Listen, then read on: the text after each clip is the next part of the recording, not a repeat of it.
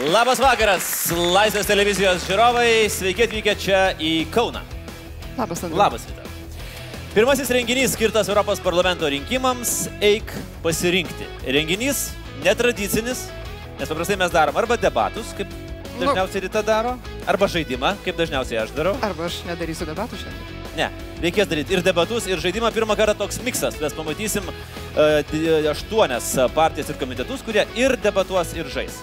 Iš tikrųjų turėjom pamatyti devynis, nes viena politinė jėga tiesiog paėmė ir neatvažiavo, nors buvo žadėjus atvažiuoti. Ir informavo likus 30 minučių iki filmavimo, na, bet ta politinė jėga, matyt, gal neužteko pinigų, gal Kaunas labai toli yra. Nežinau, aiškinsimės, bet turim aštuonias, kurios nori susirungti ir ne šiaip dėl paprasto dalyko, o dėl taurės, kuri bus įteikta pirmojo šio Kauno etapo nugalėtojams. Mes pradedam nuo žaidimo, o po to jau ryta, jie visi bus tavo.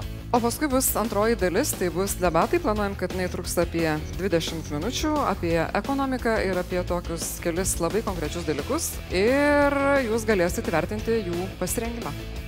O dabar metas įvertinti jų žinias, kiek jie žino apie Europos parlamentą, apie Europos Sąjungą, apie Lietuvos istoriją, apie pasaulio geografiją ir apie galybę kitų įdomių dalykų. Metas pradėti. Rita, skirstomės. Skirstomės.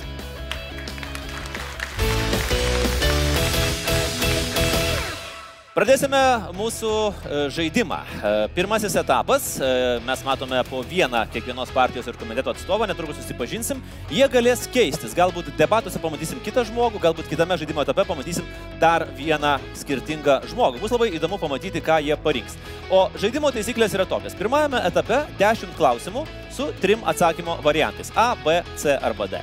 Už teisingą atsakymo variantą partija arba komitetas gauna vieną tašką.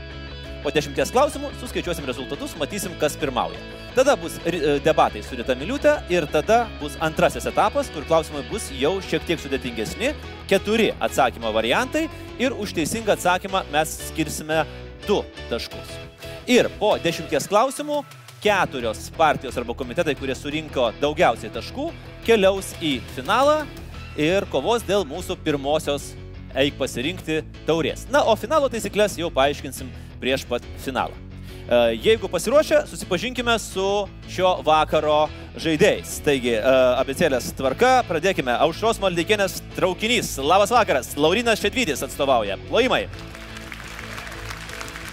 Lietuvos centro partija nematomas kandidatas atstovauja, neatvyko. Lietuvos Laisvės sąjunga liberalai. Regimantas Čiupaila atstovauja žaidime. Komitetas lemiamas šuolis. Paulius Kunčinas, komiteto pirmasis numeris. Liberalų sąjūdis, Egidijus Papečkys, Lietuvos socialdemokratų partija, Rasa Budbergytė, antrasis numeris. Lietuvos socialdemokratų darbo partija, Valdas Lukaševičius. Tevinės sąjunga Lietuvos krikščionys demokratai, žaidžia Kazys Tarkevičius. Ir Lietuvos valstiečių žaliųjų sąjunga žaidžia Laima Mogenienė. Dėmesio, Pirmasis klausimas. Publika, vėlgi žinau, kad yra nemažai simpatikų, kurie palaiko vieną ar kitą komitetą.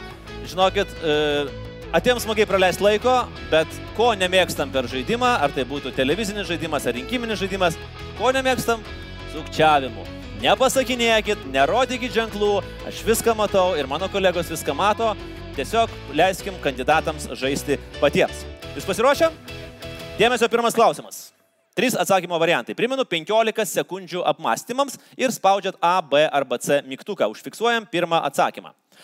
Umberto Eko pažinojo Algirdą Greimą asmeniškai ir jo garbiai netgi pavadino vieną savo romanų herojų, suteikdamas jam Algirdo Kluniečio, Algirdo Deklunį vardą, kuriame Eko romane veikia šis personažas. A. Fuko švituoklė, B. Prahos kapinės, C. Rožės vardas. Galiu pakartoti variantus, jeigu galbūt nesimato, tai A. Fuko švituoklė, B. Prahos kapinės, C. Rožės vardas. Laikas. 15 sekundžių. E, susimastė. Dalyviai tikrai. Turbūt Umberto Eko vienas iš žymiausių moderniosios Europos rašytojų. Galbūt šitas faktas ne visiems buvo žinomas, kad su mūsų žymiuoju semiotiku Greimu jie buvo visai neblogi pažįstami. Taip, visi pasirinkote. Dėmesio, teisingas atsakymas. Algirdas Klunietis yra Umberto Eko romano Rožės vardas veikėjas ir tai yra C. Ir turim vienintelį teisingą atsakymą, tai Laurinas Šedvytis, kuris atsakė, kad tai yra Rožės vardas. Pirmasis taškas Aušros Maldeikienės traukiniui. Antrasis klausimas. Geležinė ledė arba plieninė magnolija. Dažnai daliai grybauskaitai taikomos frazės. Europoje irgi atsimena jos kietumą, kai ji dirbo Europos komisijoje kurioje srityje dirbo Dalia Grybauskaitė, būdama eurokomisare. A. Finansinio programavimo ir biudžeto. B. Konkurencijos. C. Priekybos. 15 sekundžių. Finansinio programavimo ir biudžeto, konkurencijos ar priekybos. Dalia Grybauskaitė ir po to, žinoma, jau jos karjera pasisuko dešimčiai metų į Lietuvą. Laikas. Buvo proga pasirinkti. Dėmesio teisingas atsakymas. Tai buvo finansinio programavimo ir biudžeto. Eurokomisarė teisingas variantas yra A. Ir dabar matom štai teisingai atsakymai. Trečias klausimas. Na, dabar šiek tiek tokios jau europinės kultūros. Galbūt gastronominės kultūros. Hagis. Ir toks maisto patiekalas. Tai yra avies skrandyje keptas šio gyvūno organų mišinys su daržovėmis ir prieskoniais. Hagio mėtymas yra viena iš kalniečių žaidinių rungčių. Kokios tautos nacionalinis valgis yra hagis? Švedų A, B, airių ar C, škotų? Hagis. 15 sekundžių. Galima. Pasakinėti negalima, spausti galima ir prašom pasirinkti savo variantus. Teko man ragauti to daikto, tai reto, retas brudas, bet, bet yra kam patinka. Patinka, bet Aušra Malyginė savo, kad jai patinka. O man yra retas brudas. Nu, bet dažnai tai būna, mūsų nuomonė su Aušra išsiskiria. Gerai, laikas. Pasižiūrėkime į teisingą atsakymą. E, Hagis Galbūt čia šiek tiek buvo ir e, sufleravimas pačiam klausimui, kadangi tai yra Highland Games, kalniečių žaidynės. Highlands yra Škotijoje. Hagis yra škotų e, teisingas atsakymas C variantas. Ir matau teisingai atsakė visi išskyrus e, LSDP ir LSDDP. Ką, ką pasirinko trasą? Aš netą paspaudžiu. Netą paspaudžiu. O tai kaip jūs atstovausit Lietuvą Europarlamente tada? Tai nekartą ir bus taip, kad suklysit. Ir vėl bus netą paspaudžiu. Nu, gerai, svarbu, kad ne už, ne už kitą paspaudėt, nes jau ne vienas degė. E, gerai, e, žaidžiam toliau, pakalbėkime apie Lietuvos konstituciją. Ketvirtasis klausimas. Kiek skirsnių sudaro dabar galiojančią Lietuvos Respublikos konstituciją, jeigu tiek pat eilučių sudaro sonetą? 12, 14 ar 16? 12, 14 ar 16. Kas mėgstat Šekspyrą, atsakymas turbūt labai paprastas. Kas mėgstat Konstituciją, irgi atsakymas labai paprastas. Na, mes pamatysim, ar yra nemėgstančių nei Šekspyro, nei Konstitucijos. Taip, prašom, pasirinkit A, B, C, 12, 14 arba 16 eilučių. Šekspyro sonetas ir Lietuvos konstitucijos skirsniai turi vieną bendrą skaičių, tai yra 14. 14 eilučių sudaro ir štai, ajajai, ajajai, šiek tiek du teisingi atsakymai LSDDP ir Tevinės sąjungos Lietuvos krikščionių demokratų atstovai atsakė teisingai. Gerai? Dabar pateikėm penktąjį klausimą ir po penktojo klausimo pasižiūrėsime, kokia yra turnyrinė lentelė. Dėmesio klausimas. Mažiausias standartinio šalies PVM 17 procentų iš visų ES šalių turi valstybė, kurios oficialiame pavadinime minima tai, kas kadaise apibūdino ir Lietuvą. Kuri tai valstybė? Laikas. A. Vokietija, B. Luksemburgas ar C. Belgija. A. Vokietija, B. Luksemburgas ar C. Belgija, kur mažiausias yra PVM 17 procentų. Pasirinkot. Visi atsakė teisingai. Tai teisingas atsakymas buvo Luksemburgas B.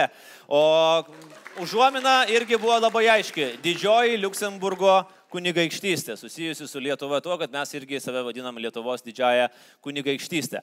Paprašyčiau tada pasižiūrėkime, po penkių uh, pasiekėm pusę žaidimo uh, etapo pirmojo, uh, kas pirmauja? E, Pirmoje vietoje Aušos Maldyginės traukinys 4 atsakymai, LVŽS 3, Laisvės sąjunga 3, Liberalai 3, Trinės sąjunga 3 ir kol kas LSDP turi mažiausiai atsakymų 2 iš 5. Taip, kol kas, bet primenu, kad čia išk- iškritusių nėra kol kas, tiesiog skaičiuojam taškus į antrąjį etapą. Dėmesio šeštasis klausimas.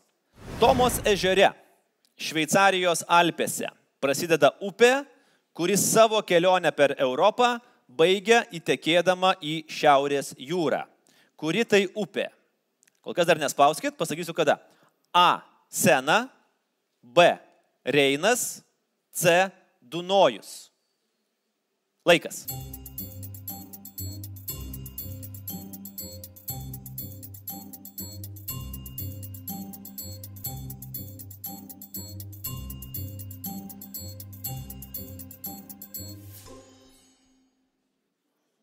Taip, turim visus rezultatus. Ir e, dėmesio, teisingas atsakymas, pasižiūrėsime, kiek buvo teisingų atsakymų. Be abejo, tai yra viena didingiausių Europos upių, tai yra Reinas. B variantas. Ir šį kartą visi teisingai išskyrus Kasis Tarkevičių. Ką, kas į ką rinkotės? Kažkaip taip A variantą. Seną į Prancūziją truputį, truputį užnešė, bet vis dėlto ne. Tomos ežere savo kelią pradeda Reinas. Septintasis klausimas. Grįžkime į Lietuvą.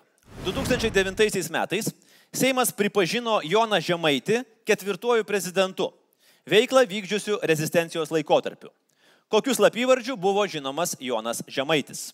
A. Grafas, B. Vytautas, C. Siaubūnas. Laikas. Pasirinkime A. Grafas, B. Vytautas, C. Siaubūnas. Laikas ir teisingas atsakymas Jonas Žemaitis per brūkšnelį Vytautas. B variantas. Visi teisingai atsakė. Ir visi gauna dar po vieną tašką. Taigi, bet kuriuo atveju matau, kad tikrai nebus nei vienai e, po pirmojo etapo partijai ir komitetui gėda dėl savo pasirodymo, nes na, nėra nei nulių, nei vieno taško, visai neblogi rezultatai. Aštuntas klausimas. Balkanuose yra dvi šalis, kurios nepriklauso Europos Sąjungai, tačiau naudojasi eurų kaip valiuta.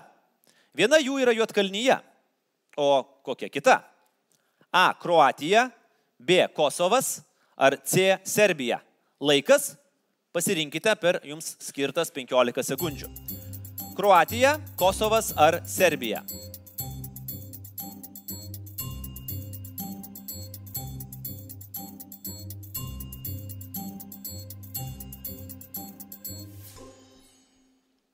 Laikas ir e, eurų kaip valiuta naudojasi iš šių trijų valstybių Kosovas. B variantas.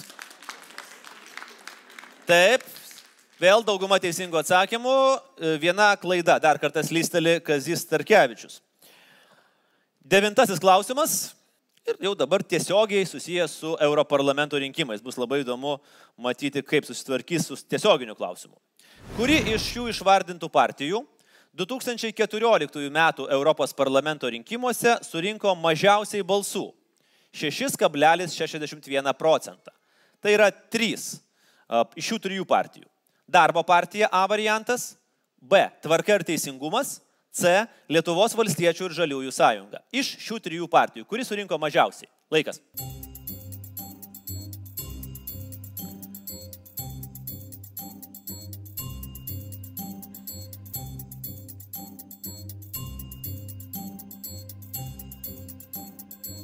Na, labai bus įdomu pamatyti, kaip e, ponė Laima atsakinėjo iš šį klausimą, nes gal net žinodama teisingą atsakymą, gal išdidumas neleidžia, jeigu čia būtų apie jūsų partiją kalba, nes kitų partijų atstovų mes kol kas šiandien neturim. Dėmesio, teisingas atsakymas. Tai buvo Lietuvos valstiečių ir žaliųjų sąjunga. 6,61 procentas ir vėlgi dauguma atsakė teisingai, šį kartą suklydo Lietuvos socialdemokratų darbo partijos atstovas. Ir paskutinis klausimas. Pirmajame etape, po jo suskaičiuosim rezultatus ir keliausime į antrąjį etapą, jau debatus su Rita Miliūtė. Višegrado mieste sudaryta sąjunga jungia keturias valstybės - Slovakiją, Čekiją, Lenkiją ir dar vieną valstybę. Kuri tai valstybė? A. Vengrija, B. Rumunija, C. Austrija. Laikas. 15 sekundžių.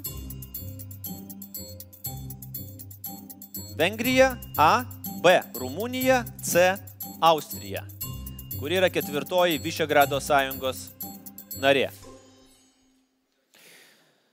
Višegrado sąjunga arba V4 sudaro keturios valstybės, kaip jau minėjau, Slovakija, Čekija, Lenkija ir būtent Višegrado miestas yra toje ketvirtoje valstybėje ir tai yra Vengrija. A variantas, pasižiūrėkime, visi atsakė teisingai, dar po vieną tašką fiksuojam kiekvienai mūsų partijai ir komitetui ir dabar pasižiūrėkime į lentelę po pirmojo mūsų žaidimo etapo ir tada duosim truputėlį palisėti nuo klausimų ir keliausime į debatus.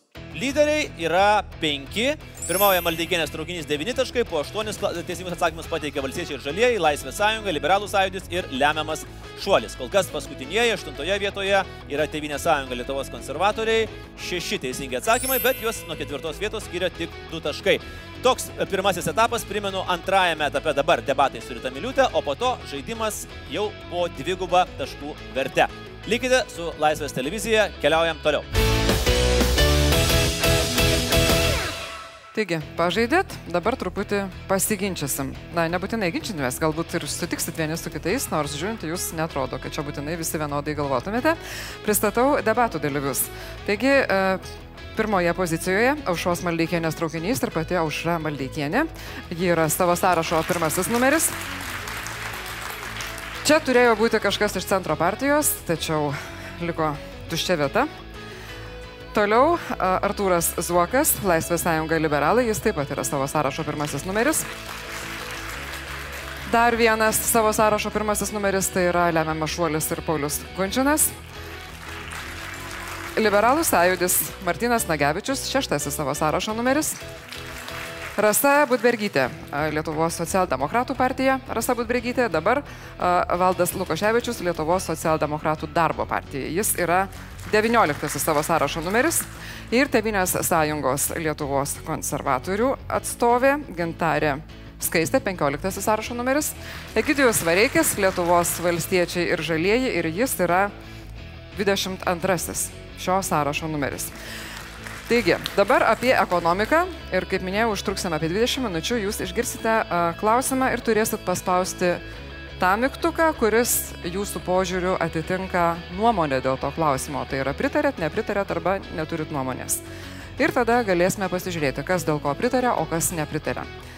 Ir jūsų atsakymams apgalvoti irgi turėsit apie 15, ne apie 15 sekundžių, o atsakymams po vieną minutę. Europos parlamente, ko gero, gautumėte po pusantros, tačiau kadangi šiandien dar tik treniruojamės, tai pabandysime tilpti į tą minutę. Taigi, pirmasis klausimas. Ar pritarėte vieningai ES prekių ir paslaugų rinkai? Ir pradedam skaičiuoti 15 sekundžių. Laikas.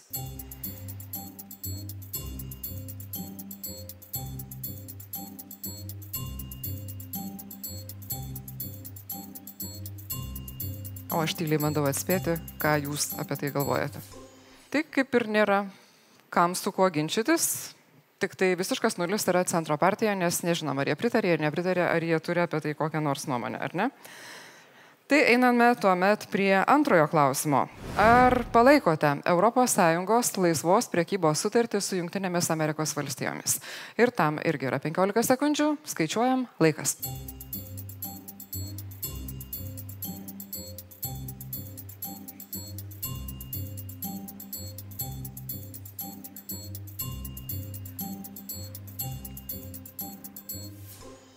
Jūs galite paprašyti, kad paspaustų ponas Zokas arba ponas Nagevičius, pavyzdžiui. Andrius prašė to nedaryti, bet Aš tik dėl viso pikto pasiklausiu, ar jūs pritarėt? Taip. Pritar. Okay, tada aš jūsų paklausiu, o kaip jūs pritartumėte tai sutarčiai? Ar žemės ūkio produkcija tuomet turėtų apimti šitą sutartis ar ne? Nu, pirmiausia, tai aš norėčiau pasidėrėti dar su, su Amerika ir su... Bet jau pritarėt? Pritariu krypčiai, nes aš, jeigu pasakyčiau nepritariu, tai vos nesakau, kad mes iš viso neturim dėrybinio proceso. Dabar yra labai, yra labai įtempti istoriškai santykiai su, uh, su Amerika ir mes turime dėrėtis, nes jie mums grasina, kad įves sankcijas automobilių pramoniai nori persidėrėti visas sąlygas, mes irgi turim dėrėtis. Bet rezultatas turi būti normalūs santykiai su Amerika. Visa, visada tam pritariu. O dėl ko jūs norite dėrėtis? Aš suprantu, kad dėl normalių santykių, bet kas yra tie punktai, dėl kurių jūs dėrėtumėtės? Pirmiausia, ta, pirmiausia dėl intelektualinės e, nuosavybės.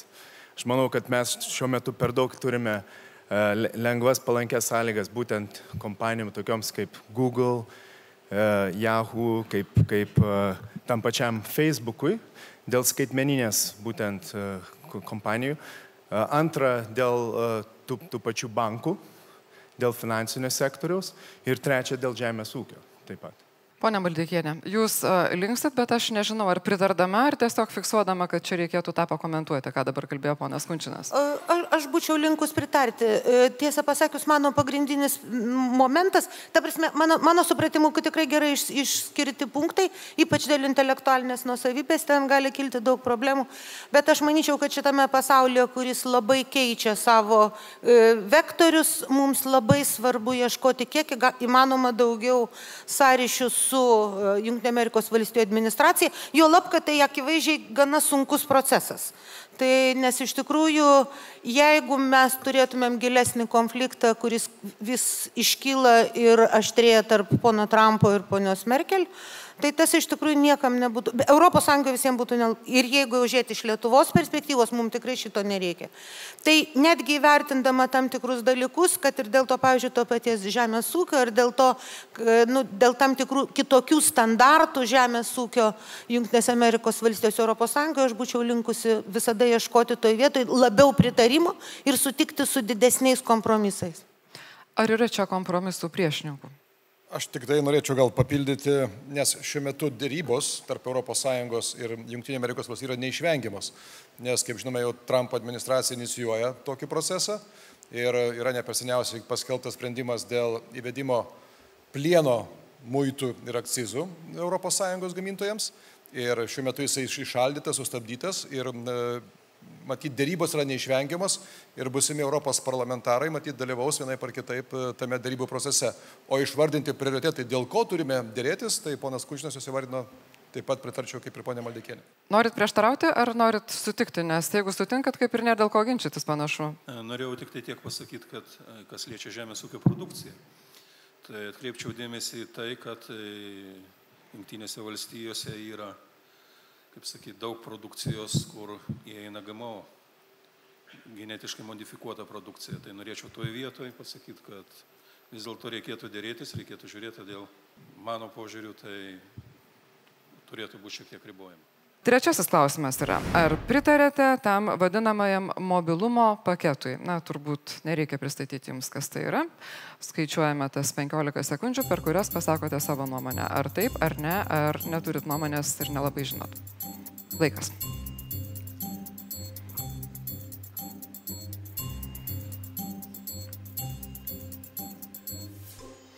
Pirmasis nesutiko ponas Zuokas su išlygomis, sakė, pritartų paketui. Taip, aš turiu keletą pastebėjimų, dėl kurių reikėtų diskutuoti ir dar, kaip ir buvo minėta, procesas nėra baigtas, nes tai yra tik Europos parlamento sprendimas ir dar Europos mm, taryba galės įtakoti procesą, o pagrindinis dalykas, kuris mano manimu labiausiai e, šiuo atveju būtų nenaudingas e, Lietuvos pusė ir ne tik ir mažųjų arba paribio valstybių, tai yra prie, prievolė transporto priemonę gražinti į šalį tam tikram laikotarpiui.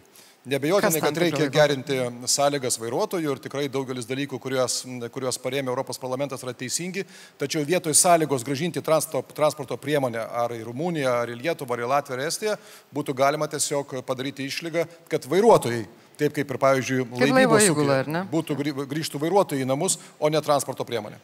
Nes tai yra iš tikrųjų ekonomiškai sunkus sprendimas, plus ne visai ekologiškas. Aš nesutinku, nes aš manau, kad, kad, kad šitas paketas iš esmės prieštaroje paslaugų laisvės principui ES.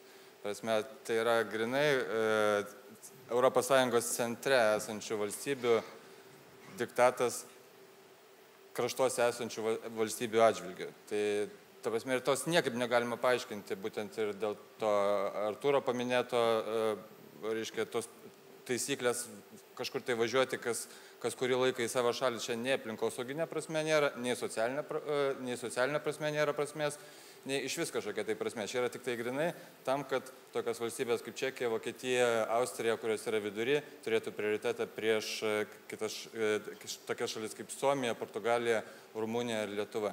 O kas yra gerai pakete, tai yra gerai tas socialinė, socialinė rūpyba vairuotojų atžvilgiu, bet tai yra prasme, visiškai sugrūsta į nereikalingą paketą su nereikalingais dalykais.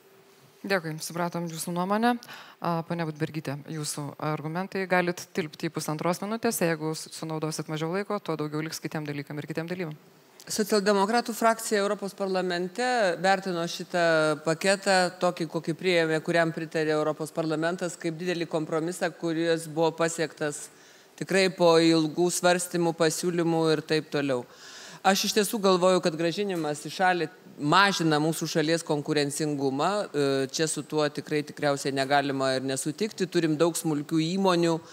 Tačiau, tačiau, man kaip socialdemokratai svarbiausias aspektas vis dėlto yra darbuotojų socialiniai dalykai, kurie tikrai e, ilgą laiką buvo nesprendžiami ir jie, kaip sakoma, džiaugiuosi, kad dabar pajudėjo į priekį. Bet aš vis dėlto, kaip ir pradžioje sakiau, labai tikiuosi, kad sugrįš imperatyvi nuostata, kad infrastruktūra turi būti sukurta ir valstybės narės įpareigotos bus tai padaryti.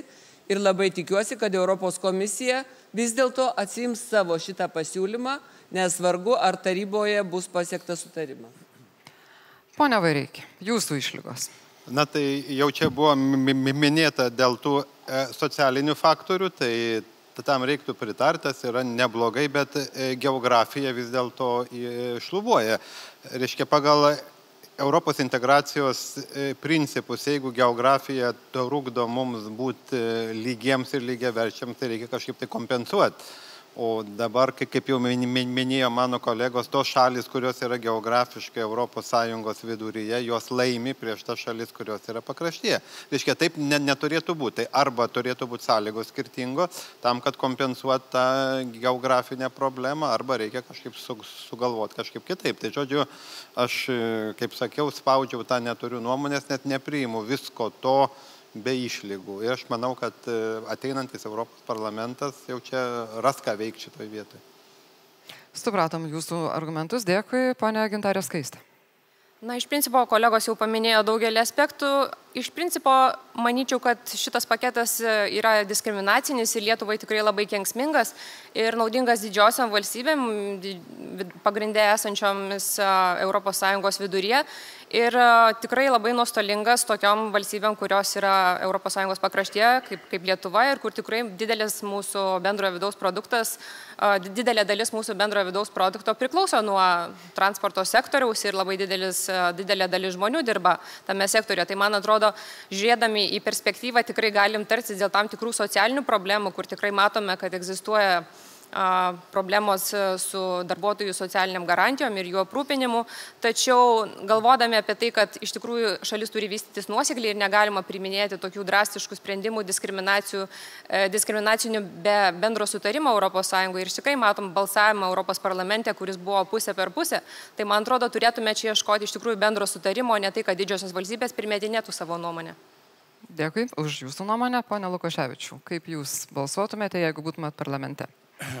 Kas liečia socialinę pusę, tai tikrai yra gerai, kas e, dėl vairuotojų darbo ir poliso laiko, e, dėl kitų socialinių visų garantijų, tai tikrai yra geras sprendimas, bet kas liečia šitą išvažiavimą ir įvažiavimą į šalį ir tą laikotarpį, kurį turi praleisti vėl grįžti į savo šalį, tai šitas dalykas tikrai sutinku su tuo, kad mes esam Europos tikrai pakrašti kaip ir kitos šalis, ne centre ir tai tikrai nepadės Lietuvos ekonomikai, tuo labiau, kaip čia ir minėjo, kad e, gana didelę dalį mūsų ekonomikos ir sudaro šitas e, pervežimai. Mes turim didelę vežėjų, kaip pasakyti, e, visą ir įmonių daug labai ir tikrai tai paliestų, kadangi tai atneša didelius, didelę naudą mūsų šaliai.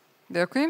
Pone Užamo Maldeikienė, drįščiau pastebėti, turi kiek kitokią poziciją ir dėl to transporto verslo, ir dėl jo sukūriamos šalies ekonomikos dalies. Pone Maldeikienė, jūs pasakykite dabar, ką jūs galvojat, ne tik apie... Paketą, iš, iš, bet... iš tikrųjų, pervežimų verslas Lietuvoje yra labai subsidijuojamas verslas per mokestinės lengvatas. Šitam verslui leidžiama turėti specialų mokestinį režimą. Jūs turbūt negalite dienpinigiais gauti dviejų, dviejų trečdalių savo atlyginimo. Taigi, paprasčiausiai, jeigu mes suskaičiuotumėm, kiek jie sukuria, o mūsų valdžia manipuliuoja skaičiais nuo 6 procentų BVP iki 13, tai iš tikrųjų čia yra melo detalės, nes iš tiesų ten tiesiog yra leidžiama turėti specialų mokestinį režimą. Antras dalykas, antras dalykas, aš nežinau ne vienos pasaulio šalies, kuri pasidaro aukštų technologijų valstybė su aukštomis pajamomis, kai jinai subsidiruoja žemos pridėtinės vertės verslą, koks yra pervežimų verslas. Trečias dalykas, į ką mes turime atkreipti dėmesį, per šitą verslą vadinamą, mano supratimu, kabutėse verslas, jau te tiesioginio žodžio prasme, nes pelnas jo nėra aiškus, yra į šalį įvežami didelis rautai trečių šalių piliečių iš Baltarusijos, Ukrainos ir Moldovos. Ir būtent tai kelia didelę įtampą Europos centre. Pane Kunčinai, norit dar papildyti? Nu, pirmiausia, norėčiau replikuoti, kai tas verslas sudaro logistiką apie 10 procentų mūsų BVP, vis tiek reikia atkreipdėmėsi. Antra, kodėl aš sakiau taip, bet su išlygom vėlgi, kryptis yra teisinga. Reikia Europai harmonizuoti rinkas, kur yra viena rinka. Transporto rinka yra viena. Šengeno sienos yra atviros ir visi važinėja, bet egzistuoja protekcionizmas. Ir tas, ta sąlyga atvėsimo laikotarpis, gražinimas į šalį, tai vadinkime daiktus savo tikrais vardais. Tai yra protekcionizmas ir transporto sektorius yra vienas labiausiai proteguojamų sektorių. Mes eilinį kartą blogai derimės, mes nes, ne, ne, nesijungėme su mūsų partneriais Europoje, tokiais kaip Bulgarija, Suomija, mes turėjom dėrėtis stipriau. Aš sutinku, kad socialinės garantijos, harmonizacija darbo rinkoje labai svarbi, bet mes čia vėl eilinį kartą praradom šansą gerai dėrėtis. Tai kitas mūsų klausimas yra toks. Ar palaikote tą principą, kad reikia atimti ES paramą, jeigu yra pažeidžiama valstybėje narėje teisės viršenybė? Taip, ne? Neturiu nuomonės arba nežinau. Pone Auša. Kategoriškai pritariu. E, iš tikrųjų, pasirašydama ES sutartį, visos šalis narys patvirtino, kad jos išpažįsta europinės vertybės. Teisės viršenybė yra pamatinė europinė vertybė, kuri iš tikrųjų generuoja daugybę visų kitų. Tai jeigu šalis e, pasirenka iš pirago razinkas ir tas razinkas dar pasiskirsto, kaip jai maloniau, iš tikrųjų tai nėra labai sąžininga. Tai aš labai kategoriškai būčiau už šito septinto straipsnio palaikymą ir jos įėjimą tiesioginį su parama. Todėl, kad parama duodama tam, kad tu suartėtum su ES, su jos standartais, vertybėms taip toliau ir tada tu sugalvoji, ne, paramą pasiimsiu, bet darysiu priešingai. Nu, vaikų darželio principas kažkoks. Pane Kunčinai, jūsų nuomonė? Be abejo, aš visiškai pritariu už tai, kad aš eičiau dar toliau. Tos kur šalis, kurios e, nesilaiko, turėtų būti netgi pas, pa, atleidžiamas arba paprašomas išeiti iš ES. Viena pati pasiprašo, bet niekaip neišeina. Nu, nes mes išsigandam. Nes tai turi būti vis tiek tai yra šeima. Ir yra, yra vertybės ir yra taisyklės, kurių reikia laikyti. Aš galvoju, kad ES yra privilegija. Tai yra istoriškai vienas geriausių, pažangiausių sąjungų ir mes turime jį tokiu ir matyti ir vertinti. Ir jeigu yra narių, kurie nesilaiko, jiems turi būti parodytos durys. Pone Rasta Budbergite. Žinoma, labai gaila regionai nukentėtų, tie, kurie turi konverguoti su, su kitais, bet aš pritariu, kad teisės viršienybės principas šioje vietoje yra labai svarbus. Ar yra kas nors, kas nepritarė šitam principui? Tai aš gal taip pasakysiu, kad iš principo tai aš pritariu pačiam e, e, principui, bet ką mes matom šiandien, kad labai sunku mums kartais yra nustatyto, kas tai yra teisės viršenybė, kurioje vietoje tai yra neviršenybė, tai yra vienas klausimas, o kitas klausimas vis dėlto reiškia, koks yra mūsų galutinis tikslas, jeigu mes vis dėlto sakom, kad šalis nesilaiko. Tai ar tą šalį reikia nubausti, ar, ar išauklėt, ar pakeisti pačią, pačią teisės samprata, va čia yra visokių klausimų. Tai iš principo aš spaušiau mygtuką A, kad pritariu, nors žinau, kad po to slypi labai daug neiškumų. Arba, kaip sakė ponas Kunčinas, galima prašyti išeiti. Pone Zokai, jūs irgi norėjote? Aš e, nepritarčiau priemonėm, tai yra bausmė, apie kurią čia kalbėjome ir kuriai beveik visi pritarė. O kaip tada? Be abejo, teisės viršinybės principas yra privalu, nes tai yra tokia sutartis, o tokie mūsų principai. Tačiau atimti europinę paramą, tai reikia suprasti, kad jeigu netimsime ne iš tos valstybės, kuri pažeistų teisės viršinybės principą konkrečios valdžios, o iš tos valstybės žmonių. Tai tai nukentėtų pritariat tam, konkrečiai sakė žmonės, nukentėtų tos valstybės ekonomika ir atvirkščiai netgi tai valdžiai, kuri spekuliuoja arba nesilaiko teisės viršinybės principų, galimybė būtų netgi didinti savo įtaką, parodant, kad baudžiami paprasti žmonės. Yra kiti būdai, yra kitos priemonės, kaip pasiekti, kad tos valstybės laikytųsi. Tai, ką pasirašė stodamas Europos Sąjunga, Dėkui. o ne bausti žmonių. Pone Nagevičiu.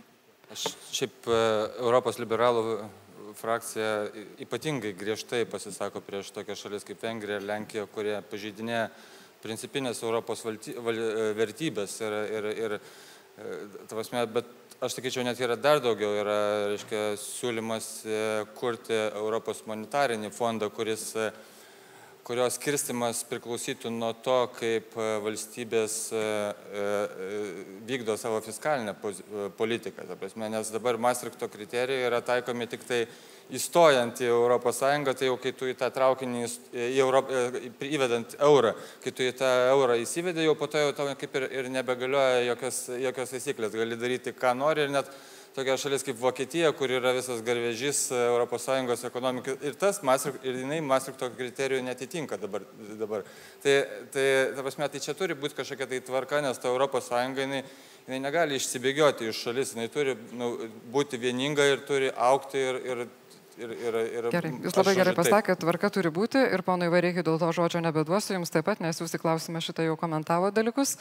Ir apskritai aš jūs vėl atiduodu Andriui, na, jūs arba jūsų kolegas, e, tuos, kurie pasikeis šioje scenoje.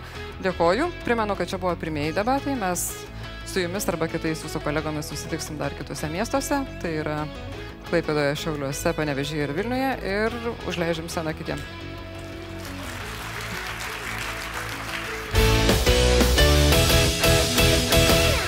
Antrasis etapas e, žaidime, grįžtame į žaidimą. Dabar 10 klausimų su keturiais atsakymo variantais ir už kiekvieną teisingą atsakymą komanda, na, partija, komitetas gauna jau 2 taškus.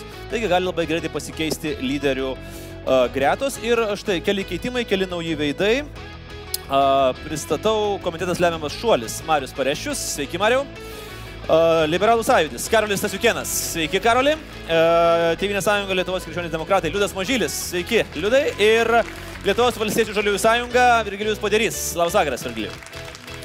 Dėmesio, pasiruoškime, jeigu viskas gerai, pradėkime mūsų antrąjį etapą A, B, C arba D variantai. Spaudžiame tada, kada pasakysiu laikas. Pirmas klausimas. Seniausia medinė Lietuvos bažnyčia kartu su savo koplyčėlė ir varpinė yra verta tikrai daugiau negu 0,29 euro. Kurioje gyvenvietėje ji yra? A. Labanorė, B. Stelmužėje, C. Kėdainiuose, D. Palūšėje. Laikas. Pasirinkime. Seniausia medinė Lietuvos bažnyčia. Na, verta, sakoma, daugiau negu 0,29 euro. 20 sekundžių šį kartą yra skirta. Taip, pasirinkimas padarytas ir turim visus atsakymo variantus. Atsakymas teisingas buvo turbūt e, klausimą. Paslėptas 0,29 euro, tai yra litas ir tai yra palūšės bažnyčia, kuri buvo ant vieno lito banknoto. Visi atsakė teisingai, vienintelis suklydo ponas uh, Lukaševičius iš Lietuvos socialdemokratų darbo partijos. Antras klausimas.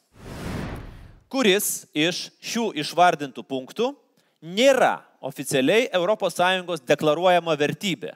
Na, yra ESO vertybės. A. Dorybė. B. Demokratija. C. Lygybė. Ar D. Žmogaus teisės. Laikas. Tai nereiškia, kad ta vertybė visiškai nesvarbi yra ES, bet ji tiesiog nėra oficialiai deklaruojama kaip, kaip mūsų sąjungos vertybė. Nes na, vis, visų ten nesutalpinsim, visų vertybių. Ir dėmesio ES oficialiai nedeklaruojama vertybė, nors be abejo yra labai svarbi, tai yra dorybė. A variantas buvo teisingas ir visi teisingai atsakė, nei vienos klaidos. Panašu, kad e, kitame etape arba kitame žaidime, kuris vyks kitą savaitę po nevežyje, reikės truputėlį pasunkinti klausimus, nes akivaizdu, kad yra pernelik lengva. Na, o antra vertus, smagu žaisti, kai yra daug teisingai atsakančių žmonių ir kurie tikrai nusimano ir apie e, Europą ir galbūt apie Lietuvos e, paminklus. Trečias klausimas. Šiauliuose stovi paminklas žmogui, besilankiusiam Lietuvoje vos vieną kartą. Kas šis žmogus jaunystėje žaidęs futbolą? Jonas Paulius II, Česlovas Milošas, C. Džordžas W. Bušas ar D. Tomas Manas. Kamgi šiauliečiai nusprendė pastatyti paminklą? Jonui Pauliui II A. Laikas. Pasirinkime. Česlovui Milošui, Džordžui W. Bušui ar Tomui Manui.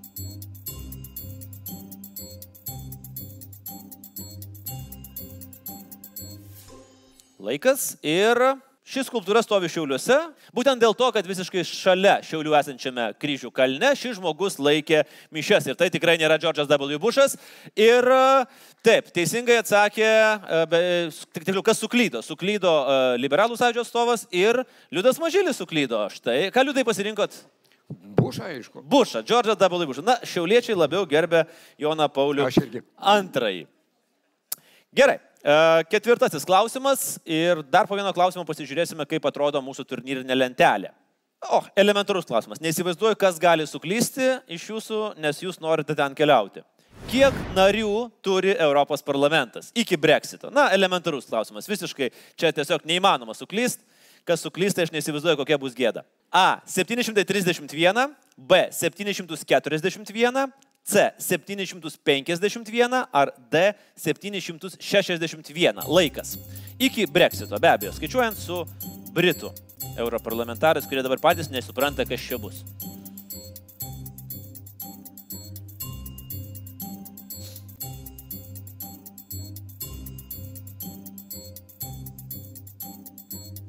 Taip, pasirinkom. Teisingas atsakymas C. 751 europarlamentaras. E, dvi klaidos. E, dvi klaidos vis dėlto e, nepavyko liberalų, liberalams, Lietuvos Laisvės sąjungai ir Lietuvos socialdemokratų darbo partijai. Truputėlį apsisa... Ką rinkotės, ponia Čiupaila, koks variantas jūsų buvo? B. B. 741, truputį pamažinot, o jūs, ponia Lukučiavičiu? A. 731. Na, jūs jau turbūt jau nebeskaičiuojat galvoj Britų. Gerai. Ir penktas klausimas, pasieksime vidurį antrojo etapo. Paryžius, Eliziejaus laukai. Jų ribas žymi du statiniai. Viename gale yra triumfo arka, kitame didžiausia Paryžiaus aikštė. Kuri tai aikštė, jeigu kurį laiką jos vardą mes galėjom pamatyti pakėlę akis į dangų. Respublikos, B. Bastilijos, C. Šarlio de Golio ar D. Konkordijos aikštė. Laikas ir pasirinkime. A. Respublikos, B. Bastilijos, C. Šarlio de Golio ar D. Konkordijos aikštė.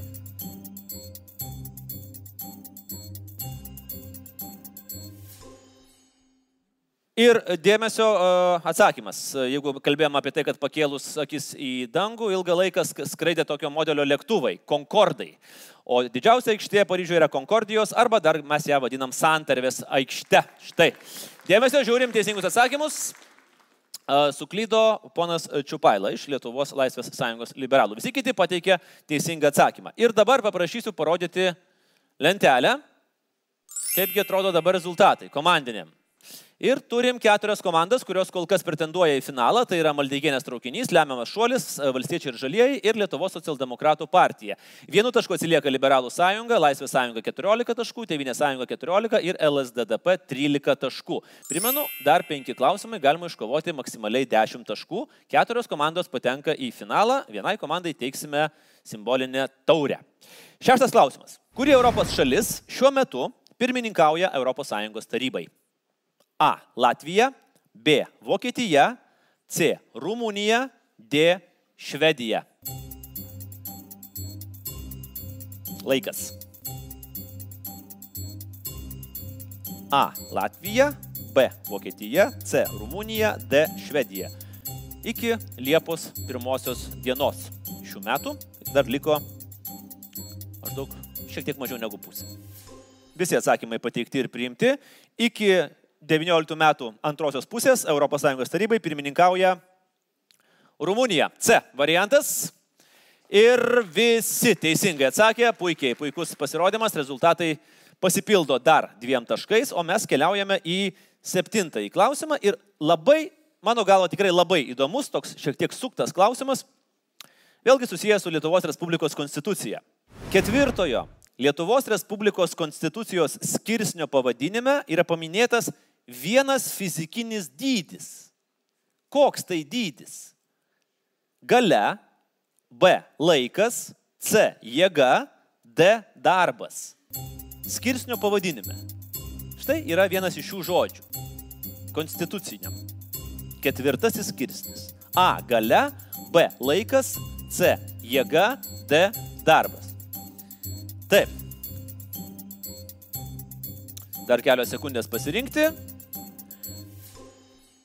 Skaitau skirsnio pavadinimą. Ketvirtasis Lietuvos Respublikos konstitucijos skirsnis yra tautos ūkis ir darbas. D buvo variantas.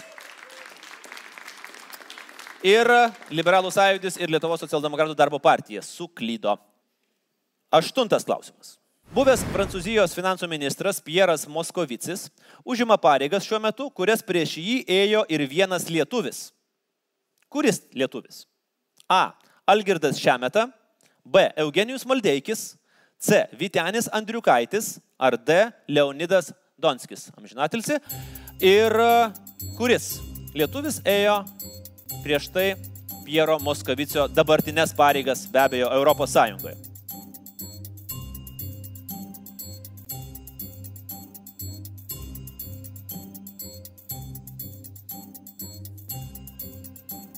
Fiksuojam atsakymus. Pieras Moskovicis, e, paprastai tariant, yra eurokomisaras atsakingas už finansus. 2010-2014 metais šias pareigas ėjo Algirdas Šemeta. Dėmesio, visi teisingi atsakymai. Ir liko du klausimai. Dviejose pasaulio šalyse, traukiniui vėluojant daugiau nei penkias minutės, keleiviams yra išduodami vėlavimo sertifikatai, kurie pateisina tavo vėlavimą į darbą. Na, Oficialiai, va, parodai papiriuką, traukinys vėlavo. Viena šalis be abejo yra Japonija, o kuri yra antroji iš ES? A. Vokietija, B. Austrija, C. Prancūzija, D. Danija. Laikas.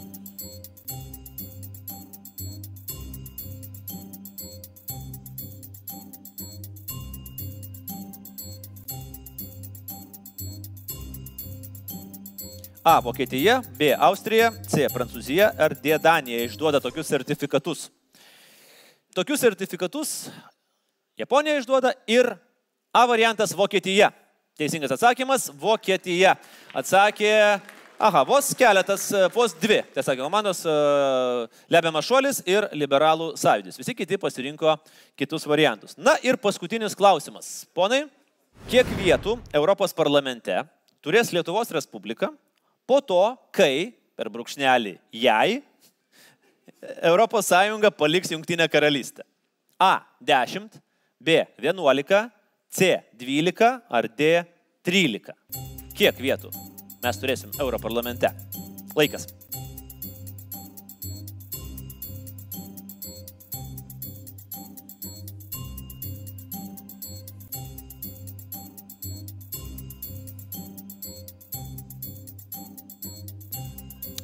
Ištiksėjo sekundės. Jūs turbūt irgi prie savo kompiuterių ir televizorių ekranų patogiai pasirinkote.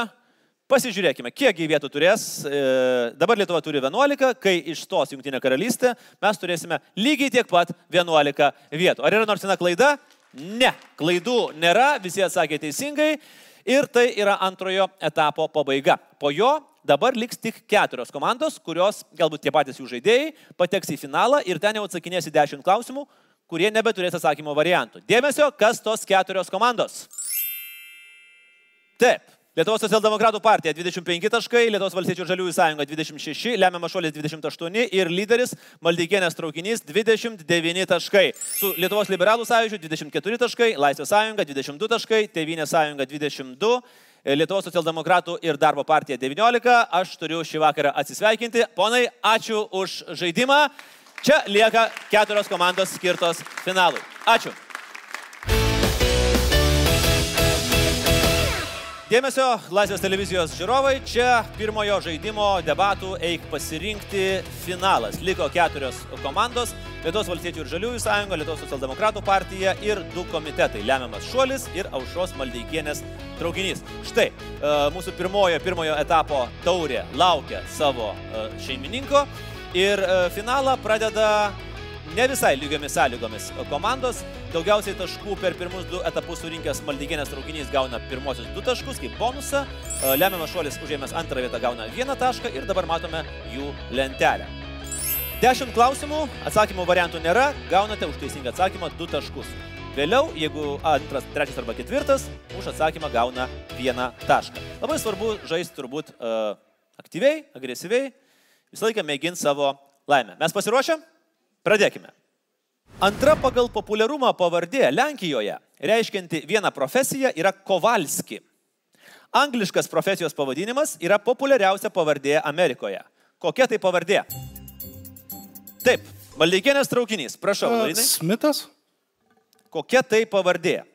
E, Lietuvišką variantą man. Na, uh, Kalvis. Kalvis, taip, teisingai, Kalvis. Dar du taškai keliauja aušos Maldeikienės traukiniui.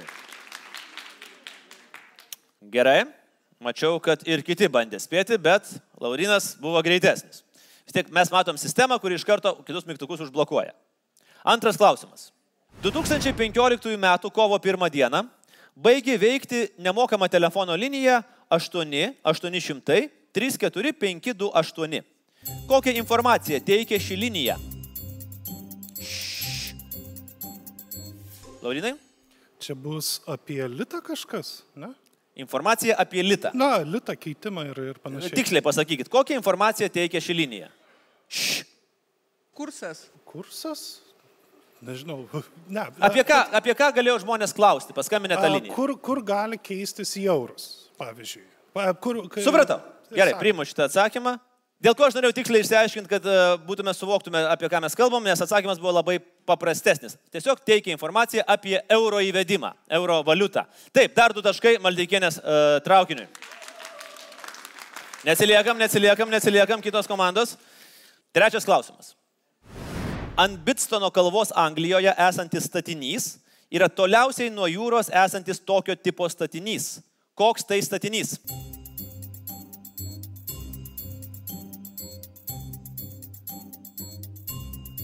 Na, kas mėgins?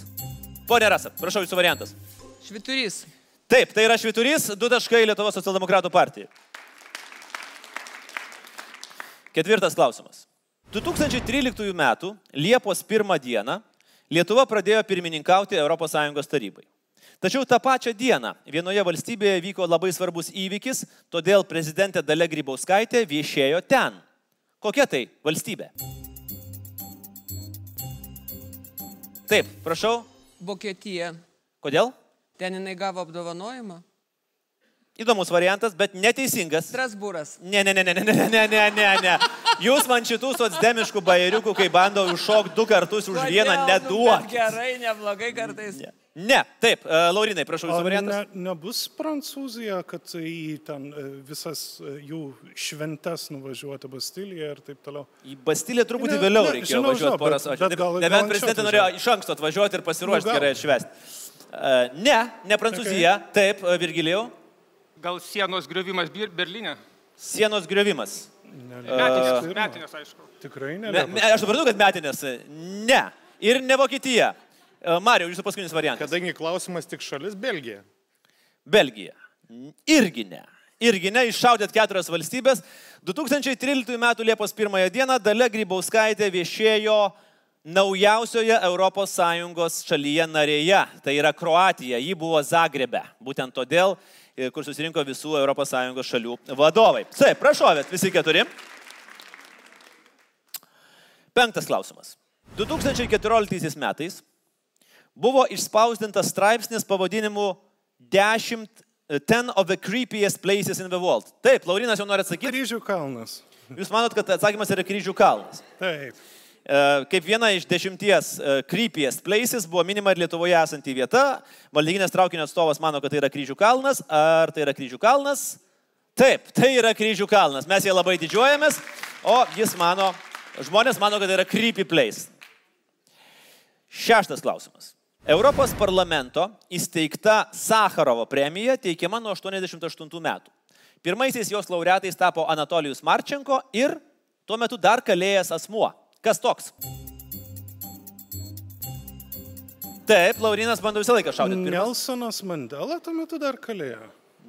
Ar jūs dėl to abejojate, ar jis dar kalėjo? Ne, Ar, tuo metu kalėjo, bet aš nežinau, ar jis gavo. ar jis gavo? Sakarovo premija teikiama už žmogaus teisų ir, ir minties laisvės gynimą. Ir taip, Nelsonas Mandela dar sėdėjo. Puikiai, puikiai, puikiai atrodo uh, Maldeikienės traukinio atstovas. Tai čia jūs dabar, Aušta, ką tik pašvelnino, aš sakiau puikiai, o jūs sakot gerai. Tai jūs nuėjote į savikritiką truputėlį. Gerai, septintas klausimas. Ši ES šalis yra daugiausiai laiko juostų naudojanti valstybė pasaulyje. Dėl savo turimų užjūrio teritorijų. Taip, Marius yra pirmasis. Kokia tai valstybė? Prancūzija. Kiek jinai turi laiko juostų? Nuspėkit, įdomumo dėliai. Virš dešimties. Rusija turi 11, Amerika turi 11, su, už, o Prancūzija naudoja 12 laiko juostų. Na, šiek tiek e, daugiau. Ir taip, tai yra Prancūzija, du taškai keliauja lemiamam šuoliui. Aštuntas klausimas. Viena iš Europos parlamento komplekso dalių, Esplanada, yra pavadinta judėjimo, kurio ištakos siekia laivų statytojus pavadinimu. Koks tai pavadinimas? Va toks vat, klausimas. Kas bandys? Judėjimas, kurio ištakos siekia laivų statytojus pavadinimu. Ir koks tai yra pavadinimas? Jūs jį tikrai visi puikiai žinot, neabejoju. Tik tai galbūt šiek tiek mes susukom šitą klausimą. Ar bus bandymų sakyti? Tikrai jį žinot. Bet jūs susukot. Suktelėjom. Tas pavadinimas yra visai gal net sakyčiau netoli Lietuvos, jeigu dar galėčiau taip pasufleruoti kažkam. Ne, purto galva, matau visi. Solidarność? Taip, pas, ir vis dėlto Laurinas mėgina. Solidarność. Pavadinimas yra. Nes Kodėl? Solidarumas. Kodėl Nes, solidarumas? laivų, laivų, nes Lechas Valensas organizavo laivų sta- statyklose streiką, e, streiką kuris galiausiai sukūrė Supratau. soli- solidarumo judėjimą. Europos parlamento komplekse yra splanada, kurios centre yra Simono Vei, Simonės Veil agora, pavadinta Solidarnoč 1980. Būtent dėl Gdansko laivų statyklos. Dar du taškai. Prieš paskutinis klausimas. Europos jaunimo judėjimas yra inicijuotas Europos parlamento ir veikiantis nuo 2014 metų. Pagal savo pavadinimo anglišką trumpinį jis yra siejamas su vienu žmogaus organu. Kuriuo? Akis, ai. Aš net nespėjau tokio dviprasmiško pokšto numesti šiuo atveju. Atsiprašau. O jūs netrukdykit laidos, šiais Laurinai. Uh, gerai, ai. Kodėl ai? Nes European Youth, o trečio aš ne. Raidė, kokia trečia? E, e. E, tai yra event. European Youth Event. Traiško, atrodo traiško finale uh, Maldeikienės traukinys savo varžovus. Ir paskutinis klausimas, po jo mes pamatysime galutinę uh, turnyro lentelę. Nacionalinės šios Europos šalies spalvos, raudona ir balta, buvo pasirinktos remiantis Bohemijos herbo koloritu. Trečioji, mėlyna, pridėta kaip aluzija į vieną kaiminę. Kuri tai valstybė? Taip, Marius, pirmasis. Prancūzija. Ne, tai ne Prancūzija, spalvos teisingos, bet išdėliojimas galbūt šiek tiek kitoks. Uh, Laurinai? Čekija bus. Turbūt. Čia, Čekija. Taip. Pagrindinė aluzija į kaiminę buvo uh, valstybė, kurioje jau buvo uh, vėliavoje balta ir raudona ir dėl to ta valstybė nusprendė pridėti mėlyną, kad skirtusi nuo Lenkijos. Ir tai yra Čekijos Respublika. Ir pas dar du taškai reiškiantys mūsų finalinio žaidimo. Absoliučiai užtikrinta Aušros Maldeikienės traukinio atstovo Laurino Šedvydžio pergalė. Pasižiūrėkime į galutinį rezultatą. Štai taip. 16, 3, 2, 0. Iš tikrųjų, reikia pripažinti, sunku, sunku varžytis su, su, su tokiu žaidėju. E, Turiu tokį įtarimą, kad esant kokiam vienam kitam protmušyje sudalyvavę savo gyvenime. Teko, teko. Teko. Na, kągi, galbūt ir tai gali būti kaip vienas iš pasirinkimo kriterijų. Siūskime galbūt tuos. Dirbti reikia, gal knygas skaityti reikia pasakyti. Viską reikia daryti. Taip, Laurinai, ir Laurinai, Aušrai ir uh, Rasai, sveikinimai. Pirmoji taurė Kauno etapas. Laurinas Šedrydis, sveikinimai, žaidimai. Aš dėkoju už žaidimą. Ačiū patekusiems į finalą. Lemiamas šuolis Lietuvos socialdemokratai, Lietuvos valstiečių ir žaliųjų sąjunga. Ačiū visiems šį vakarą buvusiems čia Kaune. Po savaitės mes panevežyje. Nauji debatai, naujos partijos, nauji jų žmonės. Ačiū ir iki. Gerą vakarą.